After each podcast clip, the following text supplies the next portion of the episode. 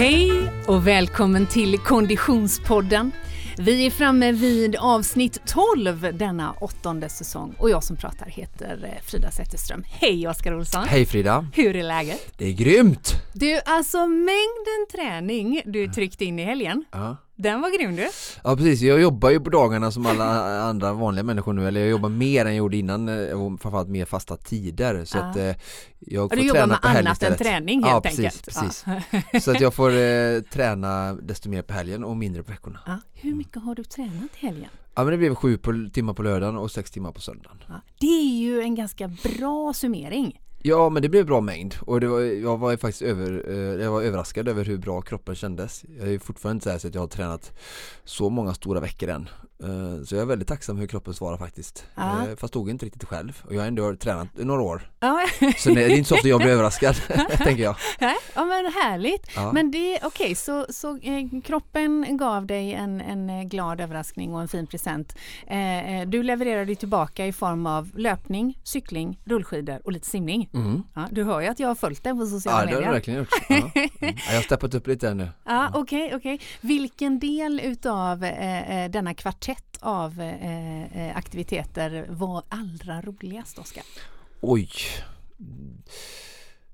Jag som är en sån allätare, jag går ju igång på det här du vet eh, Variationen. Mm. Så jag skulle inte kunna välja det ena eller det andra tror jag inte.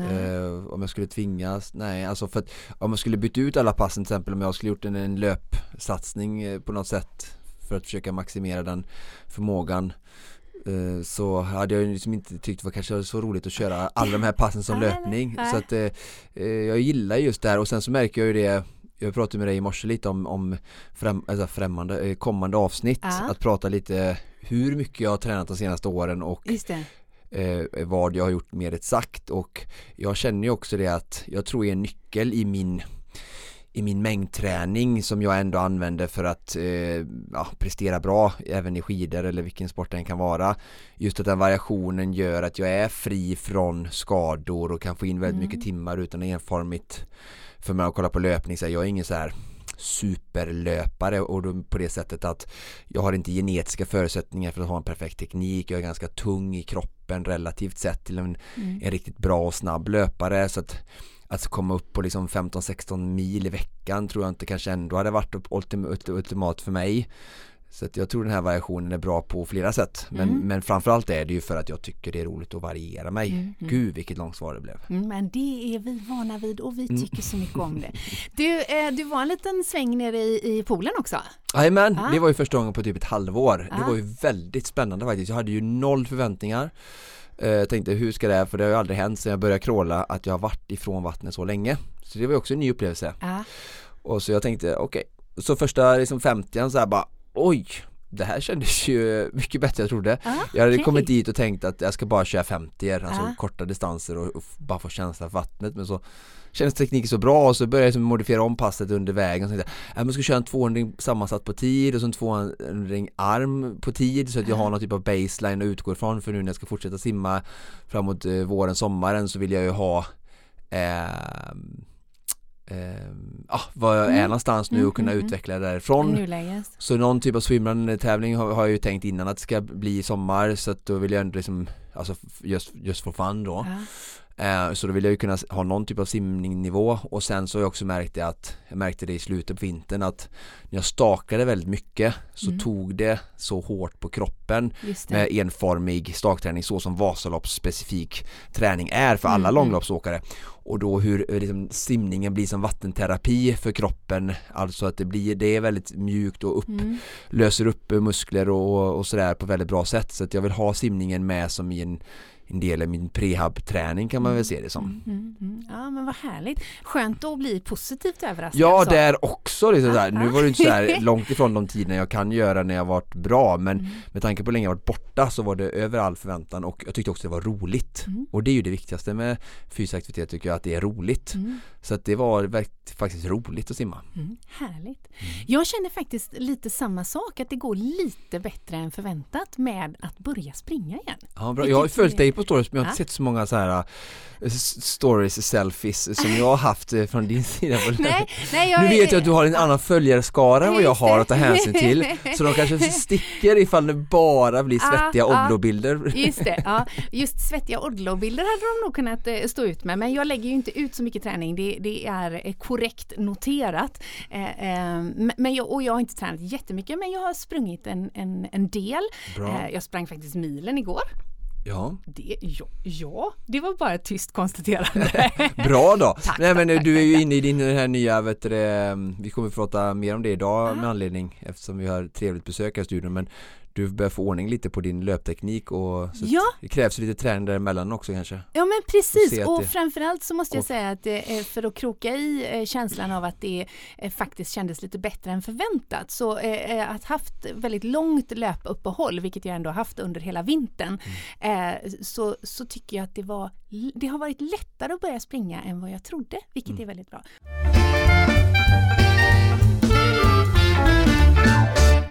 Vi är så himla glada att vi har med oss våran poddpartner Odlo genom eh, hela den här säsongen. Och i din eh, mastiga träningshelg Oskar så fick vi se både en, två, tre eh, eh, Odlo-plagg du. mm. Ja det är mycket zero weight nu Mycket zero weight. som du har också Både till, eh, ner till och upp till höll jag på att säga Mm. Eh, zero weight-jackan pratade vi om i eh, eh, tidigare avsnitt, det vet vi att det är en favorit. Eh, vad har du haft på benen i helgen? Eh, Zero weight shorts Ah. och sen zero weight eh, t-shirt För den eh, Konditionspodden-lyssnare som är sugen på att investera i ett par eh, Odlo träningsshorts, vad tycker du att man ska tänka på?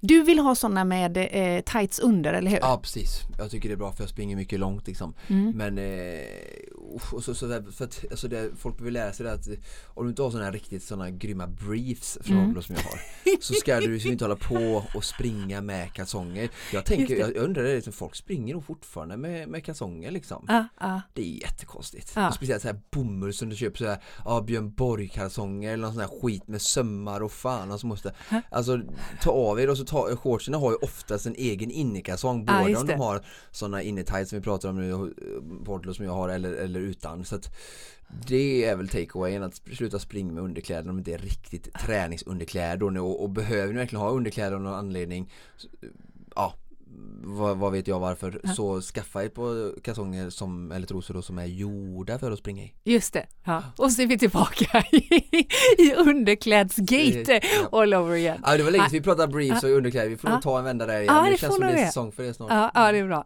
Men Odlo eh, eh, ser ju till att hålla oss både eh, varma, torra och eh, snygga genom hela träningssäsongen och vi är så glada att ni hänger med oss i Konditionspodden. Tack för det, Odlo!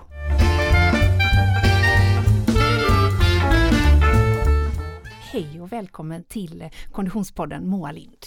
Hej, Välkommen hit! tack så mycket. Det är väldigt härligt att du kommer in i poddstudion och inte bara är, hänger med mig ute i verkligheten. Nej men eller hur, eller hur? Nej men det är jättekul. Och förmånligt klädd är hon också. Jag mötte er i era coola löparstassar här ute Just det! för studion. Ja, vi har precis spelat in eh, eh, det sista avsnittet av eh, den lilla miniserien Frida lär sig springa. Eh, och, och Moa är, å, å andra sidan, du är alltid klädd i träningskläder. Ja men jag är ju det. Eh, Det är ju liksom, eh, tillhör ju mitt jobb. Jag tror att mina kunder hade blivit förvånade om jag kom i långklänning. Ja. Så, till gymmet eller till eh, Slottsskogen och spring, springa liksom. Så, så. Mm. Du, Moa, du är ju inte en helt obekant figur för Konditionspoddens lyssnare. Du har figurerat i, i våra eh, kretsar och sammanhang tidigare. Men för den lyssnare som inte känner dig, eh, vad är din träningsbakgrund? Mm. Min träningsbakgrund är väldigt, väldigt varierad. Jag är också så som föregående talare att jag tycker om att variera, jag tycker om att göra många olika saker. Så jag har gjort allting från att, eh, jag är ju norrlänning så jag har ju tävlat skidåkning och skidskytte. Då var jag väldigt, väldigt ung. Wow! Ja. Coolt, eller hur? Ja, det är faktiskt jätteroligt. Jag som är ny på skidor imponeras. Mm, och sen så har jag bott utomlands och jobbat med hästar och jag har tävlat mountainbike och jag har tävlat landsvägscykel och sen så har jag sprungit en massa, både den här typen av liksom fjällmaraton och också som veteran kallas det när man är lite äldre då, Mm. eh, på bana, banlöpning, sprint och tre steg och lite sånt. Eh, och sen så jobbar jag ju då med träning så det blir ju ganska mycket gym också mm. så, eftersom det är en del av mitt jobb. För, för idag så är ju din yrkesverksamma eh, vardag som, eh, som personlig tränare Precis. och löpcoach. Mm, mm. Eh, vad är roligast med det jobbet? Och det roligaste är att se alla människor liksom hitta både träningen såklart men, men också att hitta sig själva eh, i, i kroppen och mm. att, att eh, lära känna sin kropp och sina rörelser och börja tycka om det. Mm. Eh, så det tycker jag är väldigt kul när man ser den här glädjen börja från att man kanske tycker att det är lite stönigt och stånkigt och lite besvärligt att få till det i vardagen och det kan vara lite skavigt med träning och så mm. ser man gradvis hur man liksom mm. hittar den där lilla glädjen och så blir det en gnista och så blir det en liten eld och sen så har man den här liksom leendet och den här glädjen. Det, det gillar jag. Ja, mm. Underbart! Eh, vi befinner oss just nu eh, i Göteborg och, och, maj är runt hörnet och många med mig har ju liksom plockat fram löpardojorna och gett sig ut på de första rundorna. Man kanske är anmäld till något av de stundande loppen som faktiskt kommer bli av eh, och, och, många är liksom i, i, lite grann i begynnelsen av sin eh, löpsäsong. Eh, om vi skulle i det här avsnittet tipsa lite grann kring hur man kan ta sig an an löpningen. Eh, eh, vart ska vi ta avstamp Oskar tycker du? Ja, eh, bra fråga. Först, det, det, är ju också lite avhängigt på vem vi talar mm. till. Som vi ska ringa in, men vi kanske ska börja med någonstans eh, dig då. Ah. Alltså du är ju eh, ja, hur, hur, ser du dig själv? Du, tre gånger i veckan, du säger att du har tränat lite i helgen men ah. vad är din profil, du som har så mycket tränare och hur långt ungefär per vecka i snitt om du inte ska överdriva för mycket ja. i en sån här period då? Ja, just det. Ja, jag ska definitivt inte överdriva för mycket. Det mm. eh, nej men eh, i serien Frida lär sig springa som Moa och jag har, har jobbat lite med så har vi konstaterat att jag, ja men två stycken fem kilometers eh, runder och förhoppningsvis en lite längre på helgen är mm. rimligt. Tre pass liksom. Mm. Eh, sen försöker jag ju sticka till med kanske någon, någon eh, rörlighetsträning och lite styrka också så men, men eh, tre löppass i veckan känns relevant för, för min kategori. Och mm. då har jag som ambition kanske att göra något Göteborgsvarv och, och lite sådär. Mm. Eh, och har en grundkondition som, som ändå är helt okej. Okay. Mm. Eh, det får man väl ändå konstatera. Ja. Eh, och sen skulle vi vilja ha ett till ett styrkepass där såklart. Mm, som mm. är, vi kan vi komma in lite kanske mer på sagt tillsammans med Moa sen hur det skulle kunna se ut med styrka och mobilitet och det skulle ju om vi har svårt med ställtid och sånt där så skulle ju det passet uh, mycket väl kunna tänkas gå hand i hand med ett av de här 5 passen Så mm. att det, det kanske blir 90 minuter totalt då allt som allt mm, mm. med löpningen och styrkan och mm. mobiliteten. Um, och så kortfattat skulle man kunna säga så här att regeln skulle vara nu då att du springer 2 gånger 5 km uh, och sen plus styrkan och sen så ökar du varje vecka med en kilometer så att de kanske progressivt ökas ja, 6, 7, 8, 9 upp till kanske 10 kilometer mm. och långpasset kanske börjar på ja, men 10 kilometer och så ökar sig upp till 15-16 mm. eh, under en 68 veckors period. Mm. Och sen när du har gjort de första 5-6 veckorna så kanske man eh, går över och så gör man de här eh, kortare passen till intervallpass. Mm. Så har du två intervallpass och ett långpass. Men viktigt då att du tillåter de här första veckorna att låta dem bara vara distanspass för att lära kroppen både träningskontinuiteten på en veckobasis och sen öka mängden för att bygga upp både teknik, styrka, både genom löppass men även genom de här styrkepassen då mm. innan du börjar med intervaller. Mm. I nio fall av tio skulle jag säga så alla som lyssnar på detta eller som är där ute kanske inte som lyssnar på detta men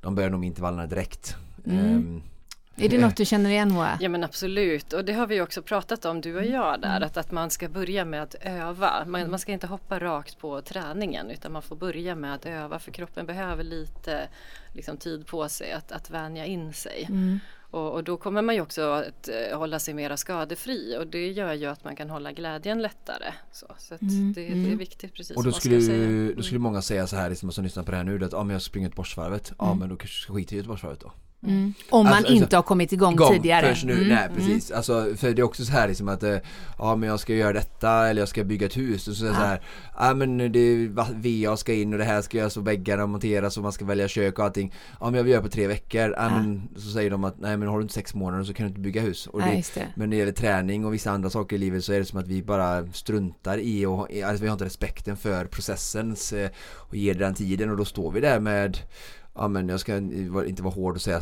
så jag vill inte hota någon men alltså vi har ju haft hjärtstopp i Göteborgsvarvet Mm, mm. och vi, vi, framförallt har vi mycket liksom, skador överhuvudtaget då, liksom, mm. som, och det är ju just det här att vi inte går den vägen som kroppen kanske behöver utan vi tvingar oss och det är som du säger att nu har folk gömt sig på gym och Mm, på mm. eh, längdskidor och allt möjligt och så nu har vi haft två fantastiska veckor de senaste två veckorna mm. men liksom är du nästan på noll Mm. ehm, efter en vinter med annan typ av träning så, så går det, är det för kort tid att Mm. hinna komma i, i form till Göteborgsvarvet. Mm, mm. Eh, jag är ledsen, sen Mm. såklart vem som helst kan ju ta sig igenom Göteborgsvarvet Mm, mm. jättelugnt som Mm. en fin upplevelse och stanna och gå genom alla kontroller och sådär. Men det Mm. gör ju sällan inte folk heller för att de vill ju såklart springa så fort som möjligt, vilket jag också förstår. Men då så här, ah, men om jag är en sån människa och vet om mig och får lite självkännedom att jag vill inte börja till löpträna förrän 15 april eller runt påsk eller sådär. Nej men då kanske jag ska sikta på en halvmara lite senare under sommaren för att det blir mycket bättre och roligare att, och ha kontinuitet sett eh, på ett helt år i din träning än att du skyndar och stressar processen mot specifika lopp då. Mm. Men för den Konditionspodden-lyssnare som är i rätt fas inför Göteborgsvarvet så kan det ju vara väldigt roligt att höra att det faktiskt blir av 2022. Vi har faktiskt med oss Göteborgsvarvet. Hej Madeleine, projektledare på Göteborgsvarvet. Hur är läget? Men hej! Jo, det är eh, mycket nu, men så roligt att vi äntligen ska få göra ett eh, live Göteborgsvarv. Det var ju en stund sedan. Ja men det var en stund sedan och vi har ju fångat dig lite i flykten eh, för jag förstår att det är mycket att stå i. Vad är status eh, i Göteborgsvarvet eh, världen just nu? Ja, men status är egentligen att få, få de sista pusselbitarna på plats. Ehm, men eh, det känns skönt, alla myndigheter är med på banan, alltså allt det här som man ska ha, alltså det vill säga alla tillstånd, vi har en tidtagning, lite liksom de här grejerna. Eh, det är liksom klart, så nu sitter vi och verkligen ser till att allting ska se, se fint ut också och att det ska bli en riktigt härlig upplevelse för alla löpare. Mm. Och hur många löpare förväntar ni er eh, ha på startlinjen den, vad är det, 21 maj är det va? 21 maj, 21 kilometer, det är ju svin, svinlätt att komma ihåg helt enkelt. Exakt, Ja, bra där! Det är, det är skönt, men vi är över 40 000 löpare som är anmälda till själva Göteborgsvarvet. Mm. Nu vet vi ju inte hur många det är som inte dyker upp. En del anmäldes redan till 2020. Det, man kan få många skavsår eh, på de åren så gör att man inte, att man inte kommer till start. Men Mm vi hoppas att de flesta är så galet sugna på folkfest i Göteborg så att de, de kommer ändå. Mm, mm. Ja, vem är inte sugen på folkfest i Göteborg känner jag bara efter den här tiden vi lämnar bakom oss. Eh, men du, vad sa du, 40 000 löpare förväntas till just eh, 2,1. Eh, men visst är det så att det är fler lopp eh, under eran paroll? Precis, vi har lopp under en hel vecka. Sen har vi lopp över året också, men under den veckan så kan löparna välja om de vill köra ett trail-lopp. Det är Mm. söndagen innan. Eh, vill du dela på 21 kilometer på onsdagen så är det stafettvarvet. Mm. Sen gäller det fem pers som delar på det, så du har liksom inte riktigt lika stor press på dig. Eh, sen har vi personer med funktionsvariationer som kan ställa Mm. upp i specialvarvet på fredagen. Och sen har vi såklart alla våra barn och ungdomar som kan sätta tänderna i några, några meter. Eh, på minivarvet så går både lördagen och söndagen i Slottsskogen och lilla varvet så går på söndagen. Mm. Sen har vi ett till lopp som jag eh, har som en liten favorit och det är ju för de som kanske känner att 21 kilometer är lite för långt Mm. men som faktiskt ändå vill uppleva Göteborg den dagen. Eh, De springer 4,3 kilometer av Varvetbanan och går i mål på Skogsvallen och får medalj. De får liksom hela upplevelsen. Men de startar på Götaplatsen, Bra! Cityvarvet, och det är för alla åldrar. Det är bara Snyggt! Kanske någonting som passar utmärkt om man inte riktigt har kommit igång med sin löpning ännu men eh, eh, eh, ser det som en, som en målsättning nästa år. Ja, men lite så. Ja. Väldigt bra. Eh, du Madeleine, eh, eh, en av många tjusningar med Göteborgsvarvet är ju att det blandar eh, motionärer och elit. Eh, eh, om vi tittar på löparna i de allra främsta leden, vad förväntar ni er av år 2022? Ja, alltså nu har det ju varit, det har ju fortfarande varit väldigt mycket elittävlingar under de här åren eftersom det är inte så enorma folksamlingar som krävs för att de ska genomföras. Eh, vårt fokus är dock verkligen mängden av löpare, alla mm. motionärer, alla som har tränat inför det här i flera år. Mm. Eh, med det sagt så kommer vi ändå ha en, en stabil elit som står på startlinjen och är supertaggade. Vi kan ju inte mer än hoppas eh, på att eh, rekordet ska slås på 59 minuter och 35 sekunder, men vi, eh, vi kan inte mer än liksom hålla tummarna och så får vi stå där och, och med spänning följa löparna på plats. Mm, bra, ja, vi ser verkligen fram emot det. Eh, det är säkert både en och tre och ännu fler eh, Konditionspodden-löpare, eh, som, eller Konditionspodden-lyssnare som kommer vara löpare under Göteborgsvarvet i år som tidigare. Vad är nytt 2022 förutom det faktum att vi springer på en annan bro? Ja, men vi, vi kommer satsa lite hårdare på upplevelsen. Eh, vi mm. stegar upp eh, några steg i år och sen ännu fler liksom, kommande år som kommer. Men dels så blir eh, starten lite trevligare, lite mer inramad. Eh, nedräkning för varje startgrupp så att du liksom Härligt. verkligen ska känna dig peppad. Mm. Eh, längs med staden så vill vi höja upp de olika områdena, stadsdelarna som vi faktiskt springer i. Mm. Um, du, ska inte, du ska inte tveka på om du är i Majorna, City, Eriksberg eller så. Så vi, vi lyfter upp det lite grann med eh, portaler, visar vart vi är. Bor du i områdena, ställ dig gärna vid de här portalerna och heja fram din löpare. Uh, och i mål så, så känner vi lite för de av oss som ändå haft möjlighet att springa varvet någon gång då och då. Mm. Um, känner lite så här att ja, men det är tråkigt att bara slussas vidare när du gått i mål. Mm. Uh, så att uh, efter mål så slussas man in lite i en runner zone där det faktiskt finns lite mer gott att hämta än vad det har varit tidigare. Så att uh, ja, vi tror att det kommer bli en trevligare inramning, upplevelse för, för de som springer.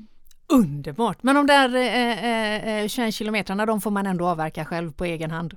Ja, det, det, är svårt att låta någon annan göra det. Men eh, ja, det är tufft. Vi har ju några deltagare som faktiskt utmanar sig lite grann extra eh, i år. Det okay. är eh, personer som är med i ett pilottest, så vi testar banan för de som sitter i rullstol. Okej, okay. mm. spännande! Så vi, vi hoppas att de ändå upplever loppet som möjligt för mm. en, riktig rullstolsklass i, eh, i framtiden.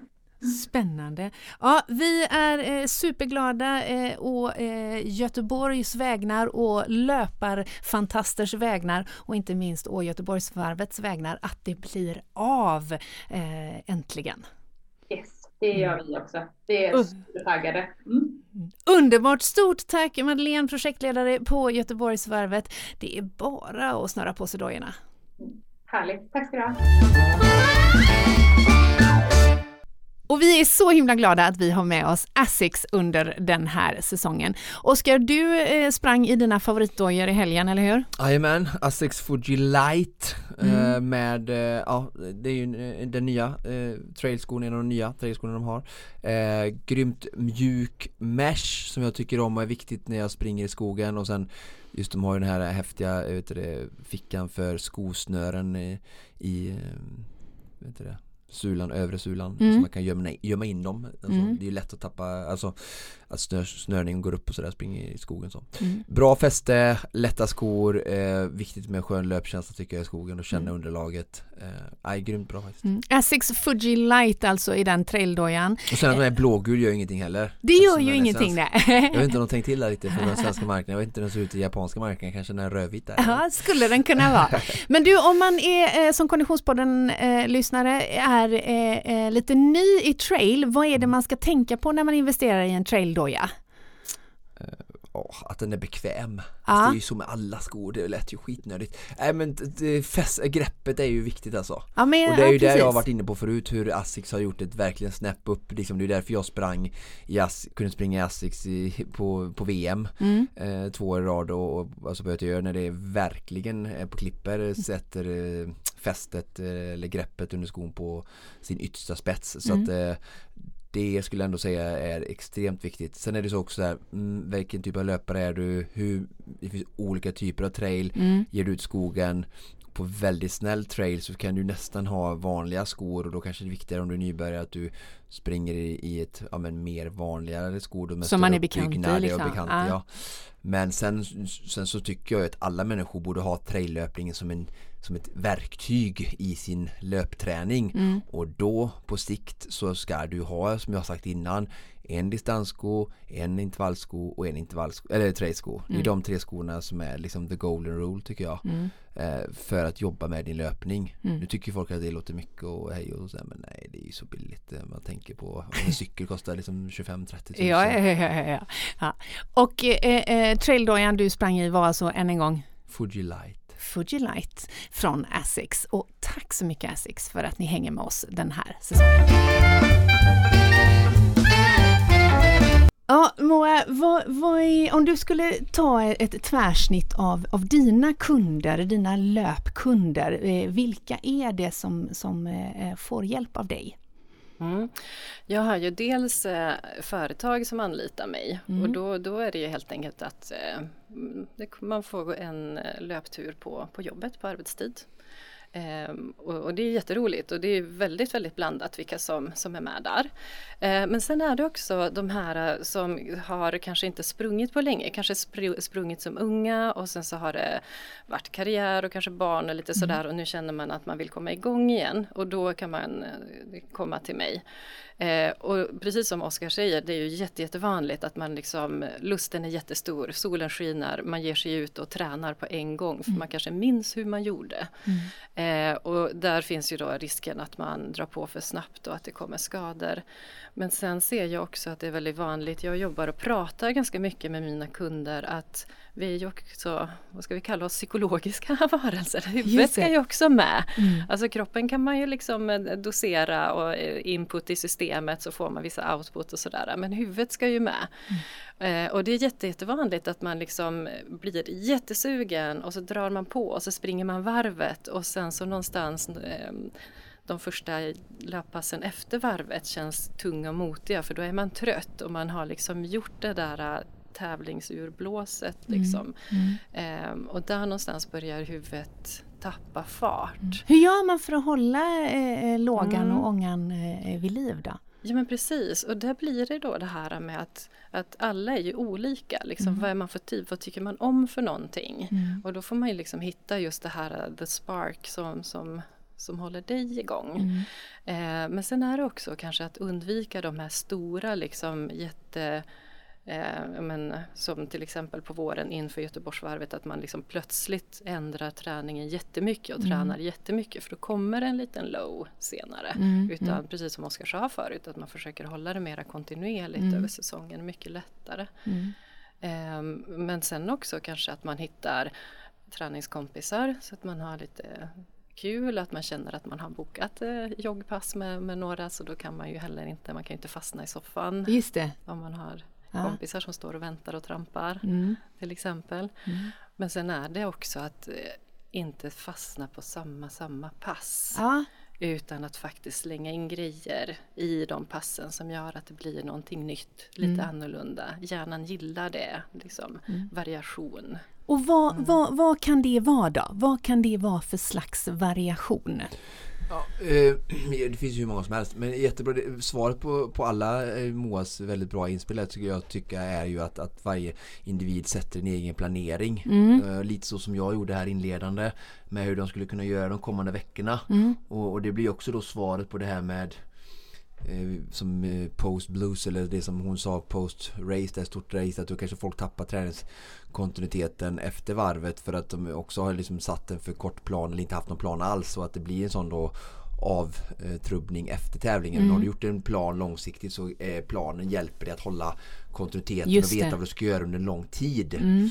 Och inte hamna i den här. Och, och sen då konkret, gör, gör den här planen så kan du då lägga in den här variationen. Och om du har en plan så kanske det är lättare. Alltså att du har suttit ner och gett dig två timmar en söndag eftermiddag och gjort planen och då inkluderat den här variationen som Moa pratar om så är det lätt att den blir av än att mm. du inte har en plan och att det bara blir slentrian och mm. går sig självt och du till slut bara någonstans blir nöjd att du bara genomfört passet. Just det. Och det är ju ganska farligt. Alltså någon som börjar på noll och är, liksom kommer från total inaktivitet då är ju det ett jättebra mål att Såklart passet som blir av är bra mm. och det räcker. Mm. Men nu pratar vi om folk som ändå springer lite mer och kanske har någon typ av ambition att göra ett lopp eller sådär. Ja. Och då tror jag att den här planen kan hjälpa till med variationen. Och variationen ja. kan ju till exempel vara, vi, jag brukar ofta relatera till folk som brukar springa och Mustafa Mohamed brukar säga på sina löpföreläsningar att han springer en hel del i skogen mm. ibland för att få upp stegfrekvensen till exempel då för att det är mycket rött fötter och mm. måste lyfta hela tiden och mm. löpning till skillnad från gång då. Många brukar jag säga springer ju som de går mm. och har ingen aktiv höftböjare. Och, men i skogen så får du mycket mer aktiv höftböjare lär du aktivera höftböjaren och lyfta på fötterna för du måste ju lyfta för att få ner foten under kroppen och, och så vidare. och så vidare. Så mm. det, det är väl en typ av bra variation att lägga in sånt då. Att då kanske det krävs att du behöver ta dig till något mer. Och då menar jag inte Skatos 8, det är ju ingen trail utan jag menar ju alltså single track som det heter på engelska. Eller stig då med rötter och stenar och mm. ja, fina klipper och allt annat går bra. Du är en typ av variation. Sen kan man variera med eh, att springa kuperat. Mm. Jättemycket kuperat och inte bara så att det blir platt. Och då går det bra med någon typ av sån här elljusspår, skatos, grus. Alltså det är upp och ner, upp och ner. Blir också mm. varierat då. Um, ja. Och sen eh, intervallerna. Eh, att du också varierar dem. Och det går bara att gå ut på Youtube eller Google eller vad som ah. helst och skriva intervaller då. Så, så länge du vet ungefär vad det är för period du befinner dig och vad det är du vill, du vill träna för så bara också där, många kör 4 gånger 4 minuter eller 1 minuter men mm. det finns ju olika stegar man kan göra och stressa kroppen på olika intervallsätt. Många löpare kör nog liksom 5 gånger 1000 eller 10 gånger 400 eller och det är också så lätt att man blir stagnerad och trygg och bara kör dem om och om igen så att där finns jättestor variation att göra. Mm. Um, sen så jag springer lite med löpväst, de som är vana Just det. Öka vikten för kroppen, eh, alltså för att få mer styrka. Det är ju väldigt försiktigt man får göra det eh, och trappa upp det försiktigt men bara för att få öka belastningen lite och, och göra någonting annat så, så, tycker jag det kan. Sen får, jag har en väst och den ska sitta bra så det, jag tycker inte man ska springa kanske så mycket med ryggsäck för det tror jag kan påverka löptekniken väldigt mycket och sådär. Så det där är ju verkligen för de som är vana löpare mm, men nu mm. för de som vill utmana sig där. Sen tror jag att eh, springa mycket barfota på gräsmatta, att avsluta vissa löppass, kanske inte tunga intervallpass men vissa distanspass att variera sig och springa lite barfota på gräsmatta med lite eh, stegringslopp och strides för att bygga upp fotstyrka och lite sånt där. Eh, också bra att variera och inte bara springa med sina stora nya fina löparskor. Mm. Även om de ska stå för majoriteten såklart. Eftersom vi inte är, är Kipchoge, någon av oss. mm. och, och, om man springer mest i stadsmiljö, Moa, hur kan man göra då? Ja men precis, och det är ju den där äh, belastningen på, på kroppen som vi vill äh, komma åt. Och det är klart att inte alla har möjlighet. Trail är ju fantastiskt. Men äh, jag brukar rekommendera trappor och det har ju du fått känna på mm. lite. Eh, om man liksom, det blir ju ganska jobbigt men sen så måste man ju också få upp en viss stegfrekvens för att trapporna till tillåter ju bara en viss mm. typ av steg. Och sen så är det ju uppför mm. och det, det bygger ju styrka. Mm. Eh, så att det, liksom, vad, vad, kan jag hitta för någonting i stadsmiljö som, som ökar belastningen? Mm. Och där tycker jag också att man ibland tittar för mycket på farten. Och då blir det att man kanske ibland för att få så hög fart som möjligt väljer så lätta banor som möjligt. Eller så. Och då blir det gärna asfalt och platt. Men försök istället att hitta eh, utmaningar som gör att du inte kan hålla den där höga farten och då blir det ju trappor, det blir uppförsbackar och det blir liksom ett större motstånd. Mm. Mm. Eh, och ett större motstånd som gör att du inte kan hålla samma fart är ju faktiskt en högre belastning. Mm.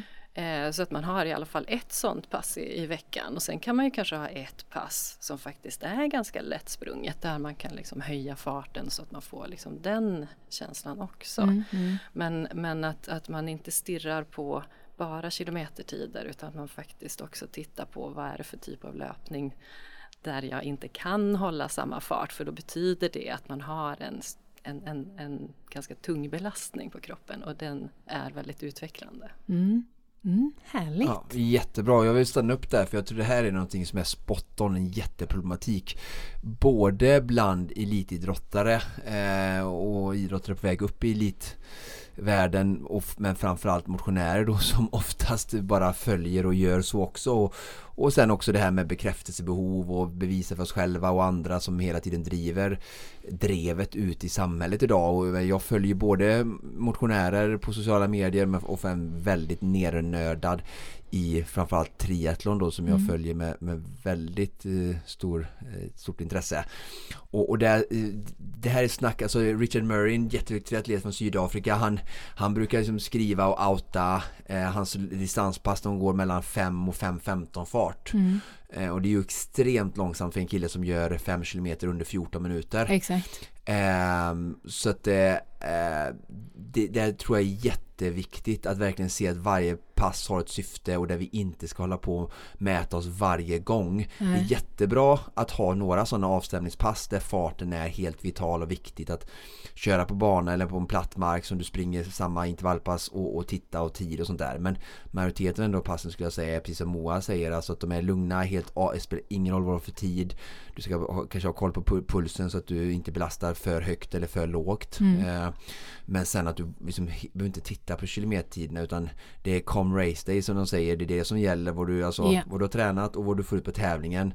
Inte vem som är världsmästare på träning och jag ser också som sagt det här är exakt samma fenomen bland eh, många elitidrottare. Mm. Vissa elitidrottare har helt rätt inställning där de verkligen försöker ändå visa så här, kolla här och de som följer mig kan ju se mm. mina löppass och mountainbike-turer och det jag har gjort i helgen har eh, inte varit imponerande om jag ska vara världsmästare på träning på något sätt men jag lyckades ändå ha gjort en hel del bra lopp eh, i swimrun till exempel då, där mm. jag har eh, slagit många som är extremt duktiga mm. eh, löpare och, och, sådär så det säger liksom ingenting egentligen utan det är helheten som just spelar det. roll och just det här också för oss själva som börjar frågasätta att vad är det som gör i mig om jag har ett behov att hela tiden lyfta fram särskilda tider jag har mm. gjort på träning och sådär för att det, allting kan egentligen bara vara på. Du kan ju bara sätta dig på en cykel mm. och sätta på löpning på din uh, polarklocka och så säga så här, om det nu är det som, om det är det som är det och vem ska kolla det? Det är ingen som kan kolla det. Äh, liksom, eh, så att sen som sagt jättebra att göra testlopp i simning, i cykel och har hela tiden klocka, tid, eh, alltså fart och puls som en liksom indikator att se hur mår kroppen, hur, hur är jag men inte som Moa säger sätta någon större vikt av det på de flesta passen. Mm. Ja, precis. Och det är liksom, vi vill ju ha input i systemet och om man hela tiden bara matar in samma input, ja, men då, då är det ju där man hamnar. Så mm. man måste ju variera inputen i systemet för att få ut någonting nytt mm. ur det hela. Och då är det klart att man behöver mäta och sådär för att se vilka, går man åt rätt håll, kommer jag dit jag vill?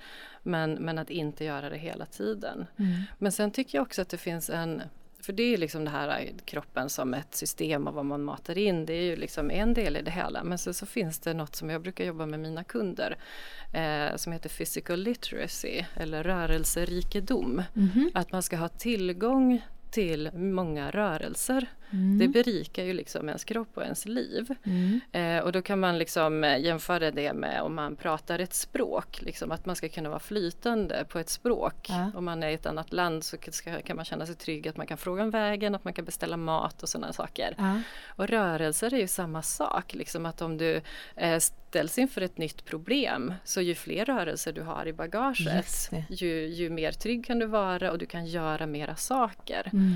Så att eh, den här rörelserikedomen eller physical literacy det lite grann handlar om att det, man tränar så att man har stor tillgång till olika rörelser som man kan ta till när det behövs. Är det lite kusin med kroppskontroll? Eller? Ja men till exempel men också liksom sådär att om man bara springer samma 5 km runda på asfalt då är det exakt de rörelserna som man gör och mm. då är det ju de man är bra på. Mm. Och sen helt plötsligt så ska man ut i skogen så snubblar man överallt för att man har inte de rörelserna. Men vad kan man göra då som, som löpare? För jag, jag som har min bakgrund i gymnastiken känner känner ju igen det här Mm. väldigt, eh, Mm. väldigt tydligt. En, en gymnast eh, lever ju på sin eh, physical literacy Ja, utan att ens precis. visste om att det fanns ett begrepp. Ja. Men, men om våra lyssnare har sin bakgrund kanske mer i löpningen eller i traditionell konditionsidrott, Mm. hur, kan man då, hur kan man bredda för att bli bättre på just det? Nej men alltså dels så kommer det in att göra alternativ träning Mm. eh, men sen också lite grann att faktiskt leka lite träning. Att det inte ska vara så himla uppstyrt alltihopa utan Mm. ut i skogen och, och hoppa. Eller hoppa ner mellan- i poolen. Eller ner i poolen och, och liksom så, här, så att man faktiskt utsätter sig för saker som man kanske inte känner sig helt trygg med eller har Mm. full koll på. Eh, och li- lite mera det här att liksom plocka fram det inre barnet och, Mm. och, och lek lite mera. Mm. Eh, men, men just och sen också liksom att, att eh, in i gymmet för att bygga en grundstyrka och de rörelserna där och sen så ut i skogen och hoppa mellan stenar så det kombinerar ju eh, eh, varandra väldigt bra den Mm. typen av liksom, träning och att man faktiskt gör lite olika saker så att man får fler eh, rörelser som man känner sig trygg med och kan använda. Mm. Mm. Ja. Mm. Och där så är ju, hon pratar mycket om output input och det ska jag flika in med också att jag tror många kör styrketräningen och är nöjd med det och det har varit mycket prat om eh, ja men eh, kroppsbaserade övningar och det är så enkelt och det är så bra och det är det ju till en viss gräns men sen också om de vill fortsätta löpningen och hålla det skadefri under liksom år och liksom längre period så behöver du ha vikter också. Du kan inte bara fortsätta där samma sak och bara ha samma input input och då får du gå och ta dig till gymmet som Moa säger eller så får du skaffa och köpa nya vikter och det funkar ju också att ha hemma och fylla på med dem du har ut möjlighet att ha det. Vilket, Mm. Olika kettlebells sådär men du behöver hela tiden fortsätta öka vikten så du kan ju börja med kroppsbaserade övningar som alltså squat och annat Mm. eh, och sådär. Sen behöver du lägga på vikt och hålla i vikten när du gör utfallen och knäböjarna för att hela tiden öka och, och, och ändra input då för, för att få en annan Mm. eller en önskvärd eller bättre output då, alltså starkare, snabbare kropp. Så det är ju liksom ett register mellan olika. Att om man då på gymmet höjer styrkan